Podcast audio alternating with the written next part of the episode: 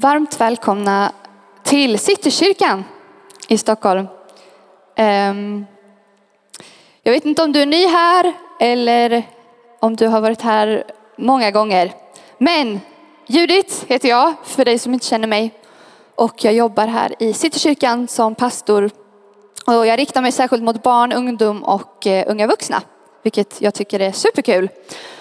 Och ehm, det är så här att vi som församling, vi är inne i en serie som vi kallar för Vi längtar efter...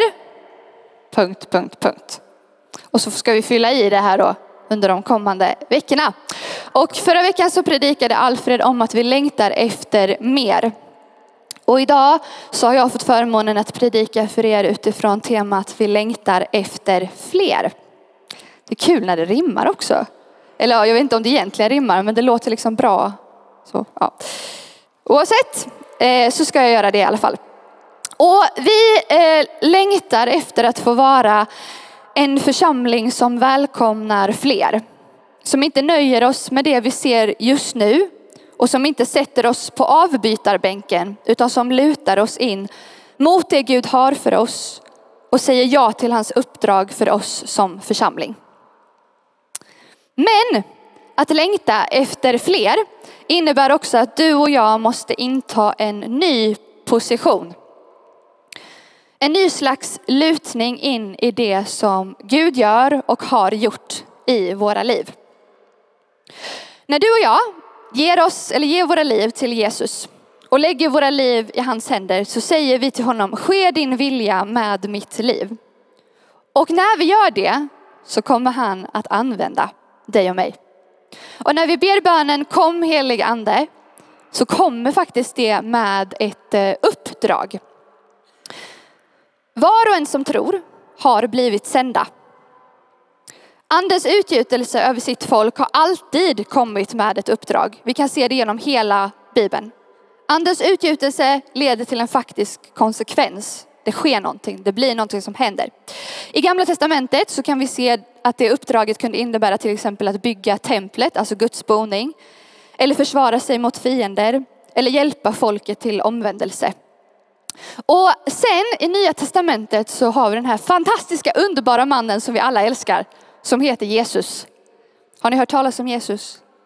Ja, ja det var ett dåligt ja. Det var få som hade hört Har vi gjort ett dåligt jobb här om inte det var fler som hade hört talas om Jesus? Men i alla fall, Jesus kommer och när han döps eh, så kommer helig ande över honom och hans uppdrag på den här jorden tar sin början. Jesus uppdrag är att försona alla människors synder. Så han dör på ett kors för alla människors missgärningar och felsteg. Och så upprättar han alla de som väljer att tro på honom. Och när pingstdagen kommer, när Jesus har eh, lämnat oss, på den här jorden i alla fall, så säger han till oss som Guds folk att helig ande ska komma och vara våran, har ni hört det förut? Hjälpare.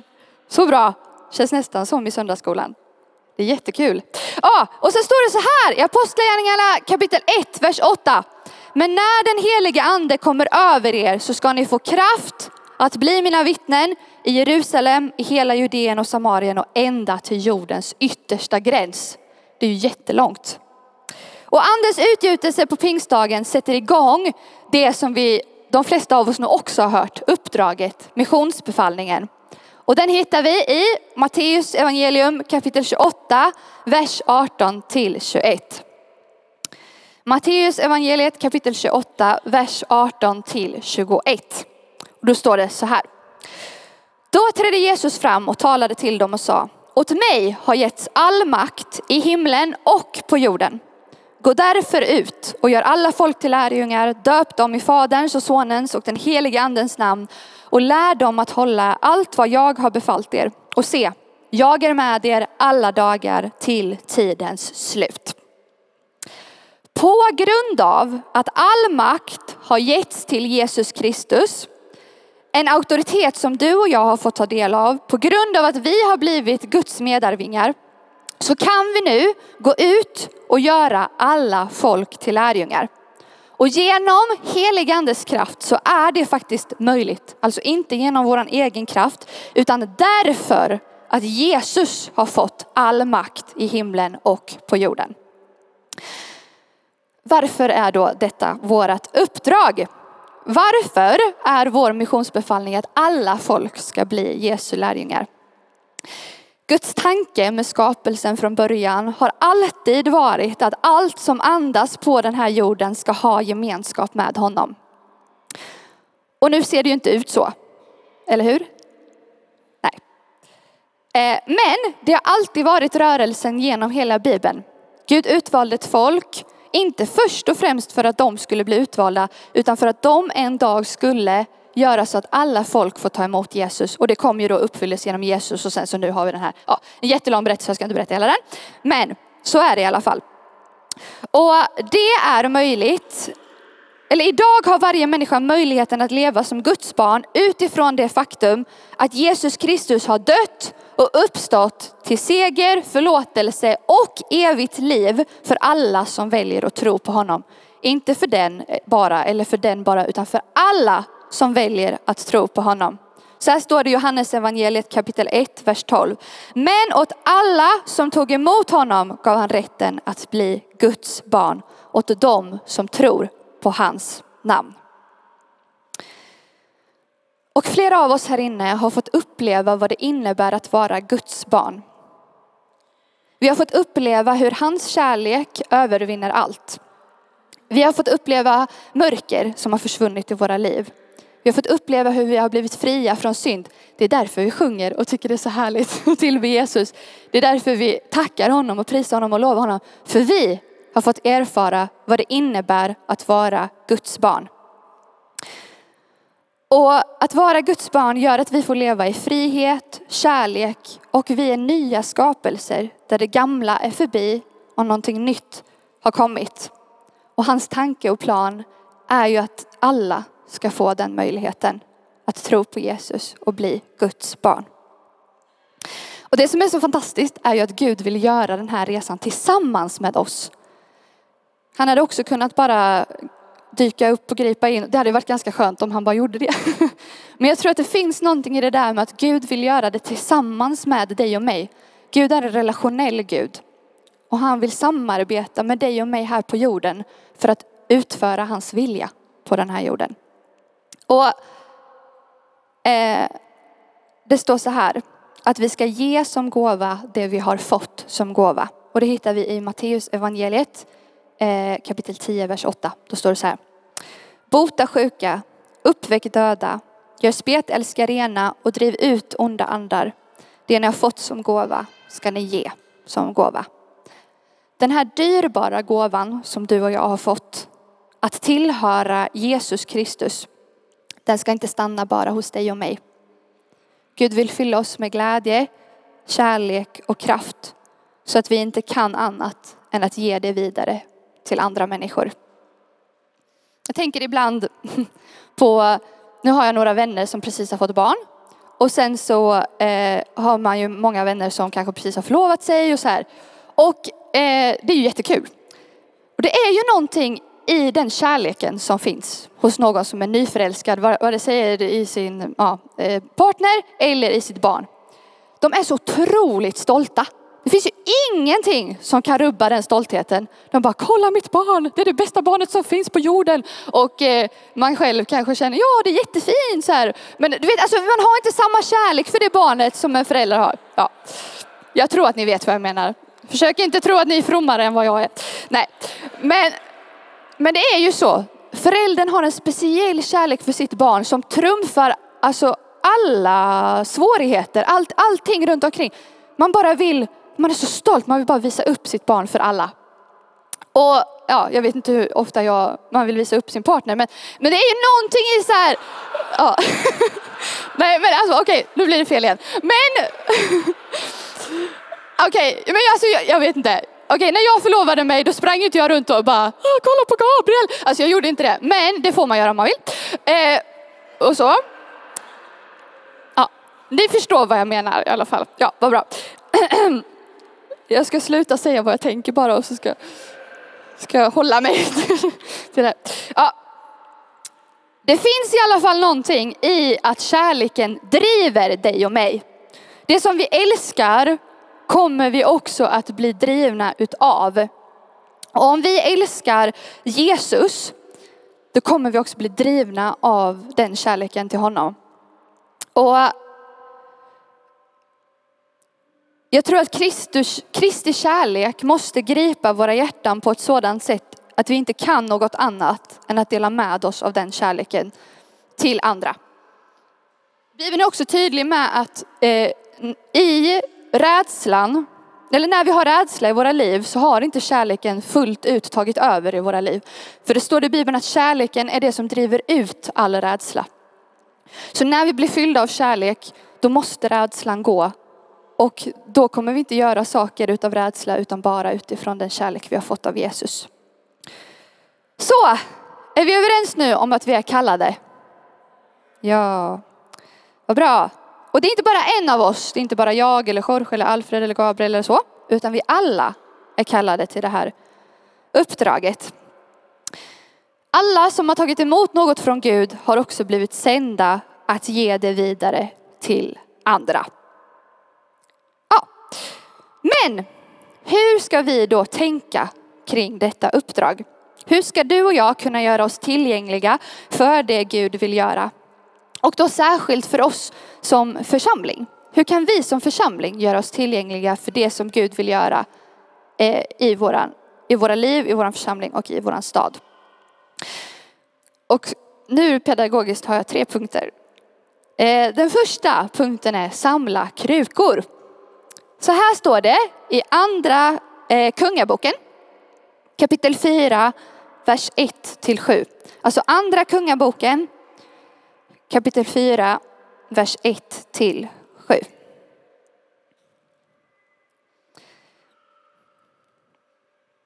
En kvinna som var hustru till en av profetlärjungarna ropade till Elisa. Min man, din tjänare har dött. Du vet att din tjänare fruktade Herren. Nu kommer hans fordringsägare och vill ta mina båda söner till slavar. Elisa sa till henne, vad kan jag göra för dig? Säg mig vad du har hemma. Hon svarade, din tjänarinna har inget annat hemma än en flaska olja. Då sa han, gå och låna kärl av alla dina grannar, tomma kärl men inte för få. Gå sedan in och stäng igen dörren om dig och dina söner och häll olja i alla kärlen. När ett kärl är fullt så flytta det. Då gick hon ifrån honom. Sedan hon hade stängt igen dörren om sig och sina söner bar de fram kärlen till henne och hon hällde i av oljan. När kärlen var fulla sa hon till en av sina sju, sina sju söner, till en av sina söner, ge mig ett kärl till. Men han svarade henne, det finns inget mer kärl. Då stannade oljeflödet. Hon gick och berättade det för gudsmannen och han sa, gå och sälj oljan och betala din skuld. Sedan kan du och dina söner leva av det som blir över. Jag tycker det finns något väldigt intressant i den här berättelsen. Elisa berättar för kvinnan att hon ska samla tomma kärl i sitt hus. Och han säger tomma kärl, men inte för få. Och det var ju ett mirakel som hände. Hon hällde olja ur sin lilla flaska hon hade hemma och det bara blev mer och mer och mer och mer och mer och mer och mer. Det var inte liksom ens, om hon hade en sån här, jag vet inte hur stor, okej. Okay. Säg att hon hade en sån här stor flaska. Och sen så ett kärl, alltså det är ju ganska stort liksom. Så det var inte bara att hon hällde över utan det liksom blev mer och mer och mer och mer. Men när kärlen tog slut så stoppades också oljeflödet. Och det var ju skönt att det stoppades när kärlen var slut för att annars hade det ju runnit olja i hela hennes hus. Och om det hade varit hemma hos oss så hade Gabriel fått panik för han hatar allt som är kladdigt och sådär. Han hade, han hade typ, jag tänkte på det här om dagen när jag läste den här berättelsen. Tänkte jag, om Gabriel hade varit med om detta hade han tyckt det var jättejobbigt. Så, det var ju tur att eh, det stannade i alla fall. Eh, och det är väl just det här som är grejen att det som du och jag eh, har tro för eller gör utrymme för för något som vi ännu inte har och ännu inte ser i tro, då säger vi också till Gud, jag litar på dig, jag tror på dig, att du kan göra det omöjliga möjligt och att du kan göra verkligt av det som jag ännu inte ser. För i Hebreerbrevet kapitel 11, vers 1 så står det så här. Tron är en övertygelse om det som man hoppas, en visshet om ting som man inte ser. Genom tron fick fäderna sitt vittnesbörd. Genom tron förstår vi att universum har skapats genom ett ord från Gud, så att det vi ser inte har blivit till av något synligt. Tro handlar ju faktiskt om just att tro på saker vi inte ser. Annars hade vi ju vetat att det var där. Och tro handlar om tillit till Gud. Att jag litar på det som han har sagt och lovat i sitt ord. Precis som den här kvinnan litade på profeten. Eh, den här profeten sa ju inte, kolla där borta, där finns det jättemycket olja. Gå nu och ta så många kärl som du tror att du behöver för att få plats med all den här oljan. Utan hon hade bara den här lilla flaskan av olja. Och sen var hon tvungen att tro på att det profeten hade sagt var sant. Och hennes tro visade sig också utifrån hur många kärl hon faktiskt samlade. Hon gjorde utrymme för Guds mirakel i hennes liv. Och det kanske är dags för dig och mig i våra liv att också börja hämta tomma kärl igen. Jag vet inte vad du liksom har blivit lovad eller vad du har för löften i dina liv eller vad du, har för, alltså vad du tror för ska få ske i din familj, i ditt område, i den här staden, för din verksamhet. Jag har ingen aning. Men ibland så tror vi och vi har tro för saker och sen så händer det inte. Eller hur? Och så går man runt och så blir man besviken och så stänger man sig och så sluter man sig och så tänker man jag kommer, jag kommer inte göra det där igen. Jag, jag vågar inte, jag kommer inte våga tro på att det där kommer hända i mitt liv. Men jag tror att Gud vill att vi ska våga samla kärl igen. Våga göra oss tillgängliga för att Guds mirakel ska få ske igen i våra liv. Ja. När man då väntar barn, man ser ju inte bebisen här och nu. Man kan ju se den på, ja. man vet inte vad som kommer hända. Man vet, man vet aldrig vad som kommer hända. Man ser inte bebisen här och nu. Men ändå så förbereder man ett rum för sitt barn hemma. Man ser till att man har allt det man behöver för att kunna ta hand om det här barnet. Man skaffar resurser, man ser till att man har bra ekonomi. Alltså du vet, man ser till att allting ska funka för jag ska ju ta hand om det här barnet. Det är liksom mitt ansvar att ta hand om det här barnet. Och jag tänker så här, vad behöver vi som församling förbereda? Vilka rum behöver vi liksom renovera, både i våra hjärtan men också liksom här fysiskt i våra lokaler för att det ska få ske. Tänk om vi kunde förbereda rum i kyrkan eh, för dem och det som vi ännu inte ser. Vi kanske inte behöver 15 ungdomsledare just nu. Men tänk om vi skulle bli fler ungdomsledare bara för att vi tror på att Gud kommer sända ungdomar till våran församling. Vi behöver göra rum för det som ska komma. Och vi behöver tro på att Gud ska förvandla vårt land. Att människor ska möta Jesus och att de ska komma till tro på honom. Jag tror att vi längtar efter att få vara en församling som agerar utifrån tro på det vi ännu inte kan se. Tänk om det är så att väckelse faktiskt är på väg. Tänk om det är så att hela gängvärlden ska bli frälst. Och tänk om det är så att barnen ska börja strömma till kyrkorna igen. Och tänk om det är så att bönemötena ska börja fyllas till bredden. Är vi då redo som församling för det?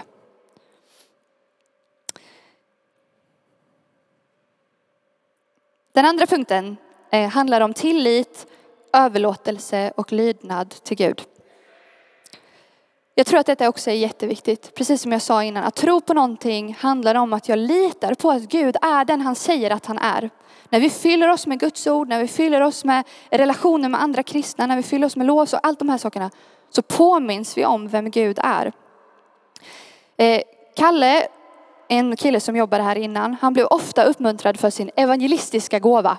Åh, men Kalle, det är klart att du går ut och predikar evangelium för du har ju den där gåvan. Så sa man ofta till honom. Och jag kommer ihåg så tydligt att han sa så här, ja, kanske det, men det är inte därför jag gör det. Jag gör det för att Gud har sagt att jag ska göra det. Och jag tycker att det finns någonting fint i det där.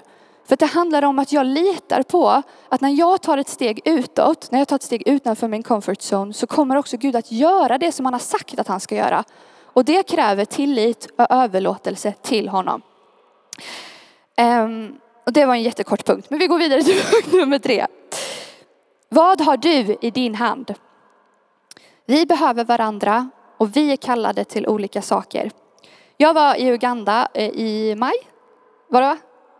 Det var jättekul. Ja, ja, vi satt och pratade om det i torsdags och höll på att skra- dö, dö av skratt. Mest för att Julia är typ den roligaste personen som finns, men ja, det var väldigt kul i alla fall. Ehm,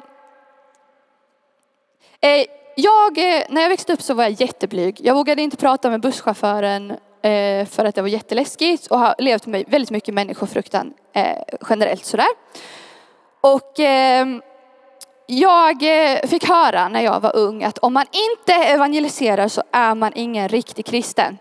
Som en perfektionist så fick jag ju panik i hela kroppen. Jag måste bli bra på att evangelisera för annars är jag inte frälst. Typ. Alltså det var jätteknäppt. I alla fall. Eh, så jag testade på evangelisation vid flera tillfällen. Men eftersom, eftersom jag definitivt inte är en evangelist och jag var superblyg och hade, alltså det var, ja, så blev det bara väldigt traumatiskt för mig.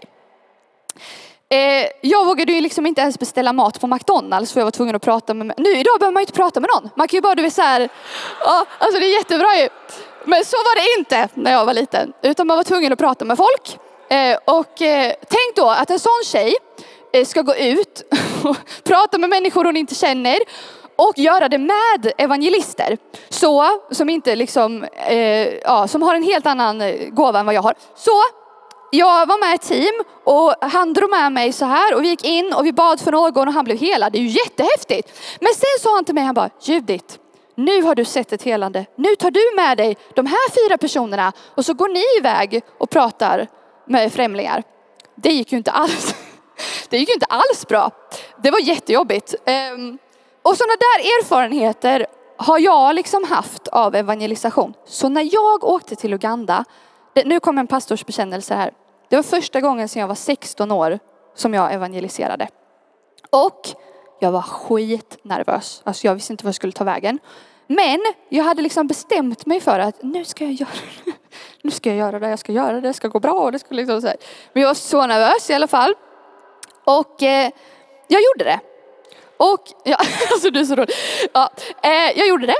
Jag pratade med främlingar, jag eh, bad för dem, jag berättade om Jesus och allt sånt här. Och ja, jag kan känna att jag blev av med viss människofruktan där och då som jag hade burit på ända tills dess. Men det blev så tydligt för mig att det var inte för mig. Och det handlar inte om att jag inte ska göra det. Utan jag tror att jag ska göra det. Men jag vill ju stanna kvar. Jag vill inte gå därifrån efter fem minuter. Jag- hade ju fått en koppling med den här människan. Jag vill ju sitta där och prata med den och fråga hur den mådde och hur den hade det här och hur ser det ut här. Alltså, jag fick en koppling till människor och jag insåg bara att nej, det här är inte jag. Alltså det sliter mer på mig än vad det liksom hjälper mig. Och vad vill jag säga med det här?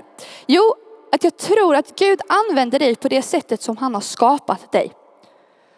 Och vi måste bli bra såklart på att skilja på rädslor och egenskaper och gåvor. Men till exempel när han kallar Mose i Bibeln att befria ett helt folk från 400 års slaveri i Egypten. Så säger han till Mose, vad har du i din hand? Och det har talat så mycket till mig genom mitt liv att vad har du Judit i din hand? Vad har jag kallat dig till? Vad har du för gåvor? Mose var bekväm med sin herdestav. Han visste vad det innebar att vara en herde. Men han var jätterädd för att tala. Han vågade inte tala med folk. Så hans bror Aron kom in och talade för honom. Förstår ni? Vi behöver varandra. Vi är olika, vi har olika gåvor, men vi alla är kallade till att sprida evangeliet om Jesus Kristus på de olika sätt som vi är kallade till.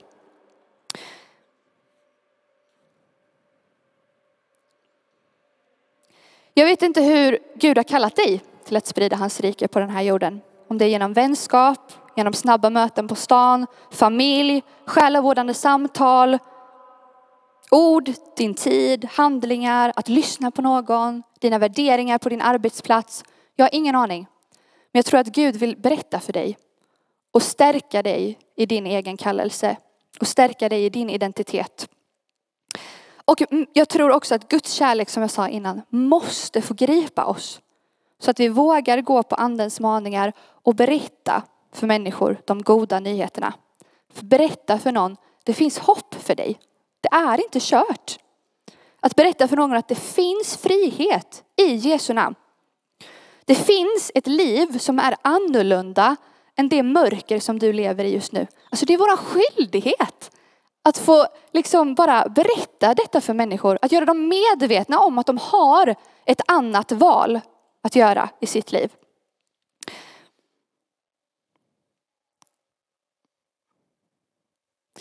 Så ja, vi längtar efter att bli fler. Och inte för att det är häftigt med höga siffror, utan för att varenda siffra representerar en individ som får gå från mörker till ljus. Från fångenskap till frihet. Och genom det du har i din hand och genom det som Gud har gjort i ditt liv och genom att du kan ha en nära och intim relation med honom och genom att du fyller dig med hans kraft varje dag så kan du och jag få vara med på den fantastiska resan. Att få bjuda in människor till Jesus. Att få föra människor hem igen till honom. Kan vi ställa oss upp så ska vi be tillsammans.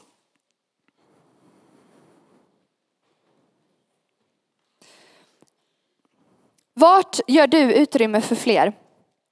Vad har Gud lagt i din hand? Vad behöver du göra upp med i ditt liv? Jag tror att vi behöver be idag att Guds kärlek ska få gripa oss. Och att tro ska få gripa oss på ett sådant sätt som det aldrig har fått göra förut. Jag är helt övertygad om att det som händer mycket just nu i vår församling är att Gud sänder sin kärlek över sitt folk. Han vill fylla oss med sin kärlek för de som ännu inte har fått höra om honom, som ännu inte har fått se hans rike, som ännu inte har fått komma hem till Jesus. För den som är utanför, för den som är liten, för den som är svag. Jag tror, jag tror stenhårt på det. Och du får välja om du vill tro på det tillsammans med mig. Så vi ber. Om du känner dig bekväm får du jättegärna sträcka ut dina händer. Så ska vi be att Gud ska få ge dig precis det som du behöver. För att kunna göra detta. Om du känner så här, äh, jag vågar inte idag. Jag vågar inte eh, överlåta mig till Jesus. Jag vågar inte säga till honom, ske din vilja i mitt liv. Det är helt okej. Okay. Jag tror att Gud vill då börja, påbörja en resa med dig här idag. Och leda dig till den punkten. Men jag tackar dig Jesus för var och en som idag känner att jag vill lägga ännu en bit, en pusselbit av mitt liv i dina händer. Jag vill lägga ännu ett steg i samma riktning som du vill gå Gud. Jag vill lägga min plan och min livsplan i dina händer och säga, ske din vilja med mitt liv. Inte bara idag utan varje dag. Jag ber att du ska utgjuta av din heliga ande över ditt folk. Att vi ska få vakna varje dag med ny kraft, ny frid och ny kärlek som bara kan komma från dig. Som inte är beroende av omständigheter eller hur mörkt eller hur ljust det är ute. Utan som är bara beroende av dig Jesus. Och jag ber just nu för den som är särskilt kallad till socialt arbete Gud. Jag tackar dig för att du kommer att fylla dem just nu med din barmhärtighet över ditt folk. Att du kommer att fylla dem just nu med din din barmhärtighet över, över de som har ett trasigt förflutet, över de som behöver att du griper in i deras liv Jesus. Jag ber också för dem som som eh, längtar efter att få sprida ditt evangelium för främlingar, för sådana som de inte känner. Jag ber att du kommer att stärka dem just nu, att du kommer att lägga ditt ord på deras tunga, att du kommer att lägga din kunskap i deras hjärtan så att de vet vad de ska svara i rätt tid och i rätt situation Jesus. Så att du leder dem till rätta människor för ditt namns skull. Och så ber jag också för varenda människa som jobbar på en arbetsplats just nu. Jag tackar dig för att du kommer att lägga dina värderingar i deras hjärtan. De ska få sprida ditt rike på sin arbetsplats genom att de bara är Jesu ambassadörer på sin arbetsplats. Inte genom att de vågar en massa saker eller är annorlunda eller knäppa eller någonting, utan för att de är de de är, för att du har kallat dem till att vara just det de är, Jesus. Jag ber om frimodighet över ditt folk. Frimodighet att, våga, att du ska lossa våra tungor Gud. Så att vi ska våga säga det som du har sagt att vi ska säga. Att våga lita på dig och ha tilltro till att du Gud kan göra det. Inte genom vår egen kraft utan genom din heliga andes kraft. Så kom och betjäna oss just nu i Jesu namn. Kom och ta bort det som behöver tas bort. Kom och skala av det som behöver skalas av. Kom och omskär våra hjärtan så att vi blir märkta av dig. I Jesu namn. Amen.